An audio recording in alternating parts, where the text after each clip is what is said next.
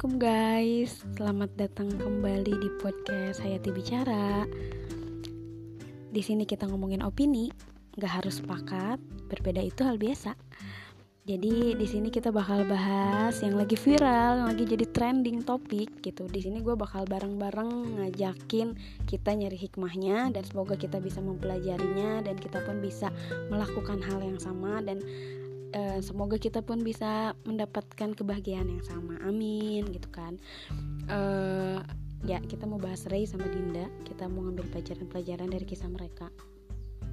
Yang gue tahu yang pertama itu ya apalagi kalau bukan perkara jodoh ya gitu kan. Jodoh tuh udah Allah yang atur. Bahkan kita ya kita nggak pernah tahu jodoh kita seumuran atau lebih tua lebih muda gitu kan. Uh, kalau kalau nggak salah nih ya sorry banget nih kalau beda. Gue kan karena gue bukan fans mereka dan gue pun nggak ngikutin dari awal. Gue pun buat podcast ini beropini karena uh, memang mereka lagi viral dan gue pengen ngajak banget nih buat kita ngambil hikmahnya. Nggak cuma sekedar baper sama apa yang terjadi kita perlu banget nih ngambil pelajaran yang memang sesuatu itu baik gitu kan. Daripada kita ngeju leaders. Gue buka twitter kacau banget guys. Itu tuh ya viralnya mereka jadi bahan gibah dan julid gitu kan. Ya lu disayangkan banget gitu kan. Ya itulah maksudnya kita nggak bisa nggak bisa kontrol di luar kendali kita gitu kan. Nah gue di sini mau ngajak banget buat ngambil pelajaran nggak cuma sekedar baper. Oke Dinda itu umurnya 23 uh, eh, kalau November tahun ini dia jadi 24 Ray itu kalau nggak salah 21 kalau tahun ini dia 22 dan dari segi umur mereka tuh beda. Ray itu lebih muda dan Ray itu alhamdulillah berani buat menikahi yang lebih tua. Itu kan menurut gue itu poin plusnya. Jarang loh maksudnya laki-laki yang lebih guna berani menikahi uh, perempuan yang lebih tua gitu kan. Itu butuh menurut gue butuh keberanian sih butuh keberanian dan butuh kesiapan gitu. Apalagi uh, Dinda ini bukan sosok perempuan biasa. Dia adalah public figure. Bukan sekedar selebgram juga ya bukan sekedar influencer tapi dia memang artis yang memang turun ke dunia entertainment itu dari kecil kalau nggak salah ya. Butuh keberanian kalau menurut gue uh, terus dan backupnya juga sih backup Ray ini di sini kan orang-orang udah tau lah. Kita udah lihat beritanya. Ray itu di backup oleh Nata Reja terus Kang Dodit bener gak sih? Terus uh, Anandito gitu kan. Terus uh, manajernya Wawan gitu kan. Uh, kalian udah baca yang jelas di media sosial beritanya proses mereka seperti apa. Gue juga sedikit nonton live nya Kang Dodi. Uh, dia ngebahas Ray sebelum gabung ke Adam. Ray itu punya potensi baik gitu. Jadi sebelum gabung ke Adam Ray itu sholatnya belum lima waktu.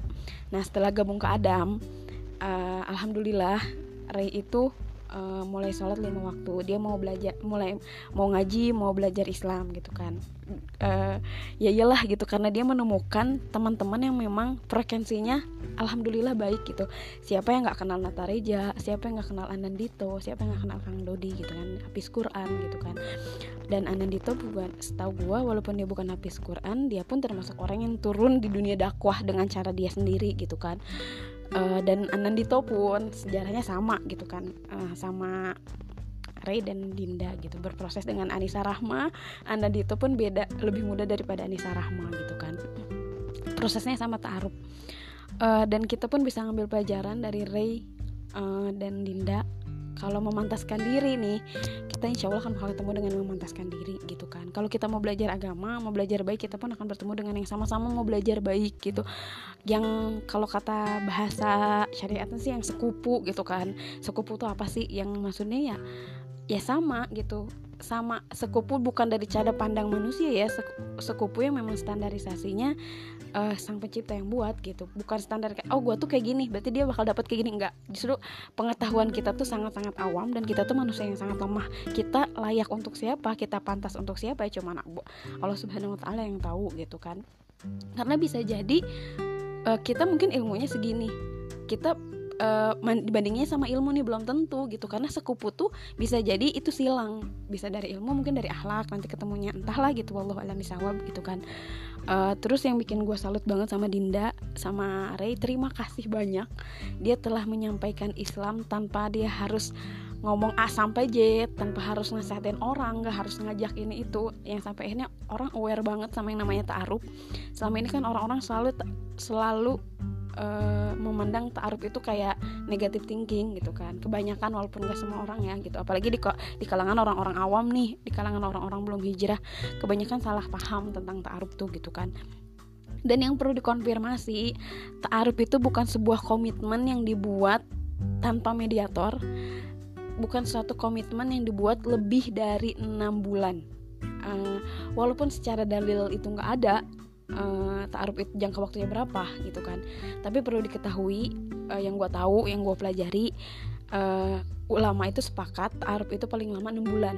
Karena suatu proses yang baik itu disegerakan jauh lebih baik gitu kan. Uh, kadang yang gue lihat banyak orang gue nggak tidak menjudge siapa pun ya gue tidak ada masuk uh, menjudge siapa pun gue tidak ada masuk meng mengatakan hal negatif terhadap orang lain gitu kan. Yang perlu kita konfirmasi ta'aruf itu ada mediator itu yang pertama. Yang kedua dia punya aturan dan batasan. Yang ketiga nggak lebih dari enam bulan gitu kan. Bukan karena buru-buru ya tapi di situlah proses kita diuji. Kita yakin nggak sama pilihan kita? Kita uh, yakin gak sama pilihan kita? Kita yakin gak sama apa petunjuk yang Allah kasih? Kita harus mendekatkan kepada diri mendekatkan diri kepada Allah gitu minta jawaban dari Allah gitu kan. Karena memang di proses taruh ini kan makanya tuh Ray sama Dinda tuh benar-benar menunjukkan mereka tuh tahajud istihoroh gitu kan mendekatkan diri kepada Allah. memang poin plusnya di situ gitu. Ketika kita menemukan seseorang uh, siapa lagi tempat kita bertanya selain bukan Allah Ta'ala gitu. Karena memang harus bertanya kepada Allah ini orang yang tepat atau bukan gitu kan. Apalagi ibadah seumur hidup ya guys yang bakal dia 24 jam kita komunikasi sama dia gitu kan. Karena gue pun kemarin alhamdulillah walaupun nitipin amanah itu gue uh, ngebantuin temen buat berproses seperti itu gitu kan uh, ya gue pun bawelnya di situ gitu. Ya silahkan taaruf istiaroh taaruf taaruf. Mengkaji Islam belajar Al-Quran baca Al-Quran rutinin gitu kan jikir ya. Karena memang ya ki, sebagai mediator pun kita hanya bisa membantu. Selebihnya kan Allah yang ngasih jawabannya gitu kan atas pilihan-pilihan mereka gitu kan. Kita nggak tahu apa-apa gitu. Kita nggak tahu ketetapan yang sebenarnya terjadi itu seperti apa. Nah terus menyinggung soal ta'aruf gitu kan. Walaupun Dinda dan Ray tidak secara gamblang menjelaskan proses mereka gitu kan ya perlu diketahui banyak orang yang salah kaprah tentang ta'aruf dan banyak orang yang negatif thinking sama ta'aruf. Ta'aruf itu menurut gue proses yang sangat-sangat dijaga. Jadi kalau misalkan ada orang gagal ta'aruf ya itu nggak hina sebenarnya.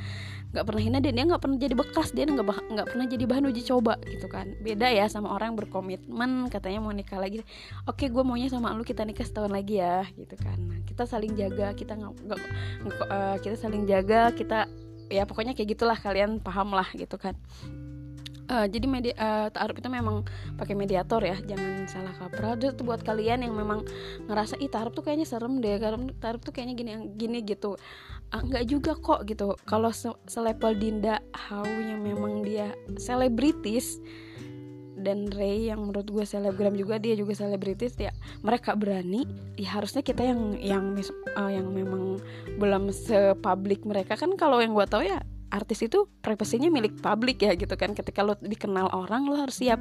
Privasi lo privasi lo tuh jadi milik orang lain kan. Lo udah memutuskan dikenal banyak orang gitu. Bahkan lo harus punya batasan-batasan yang memang nggak bisa seenaknya gitu kan tentang privasi lo gitu. Karena itu resiko resiko ketika lo terkenal Nah, kalau mereka aja berani, ya harusnya kita orang awam tuh berani karena memang di ta'aruf tuh nggak ada sama sekali yang serem. Justru kalian bakal menikmati suatu proses yang memang dibimbing sama mediatornya secara baik gitu.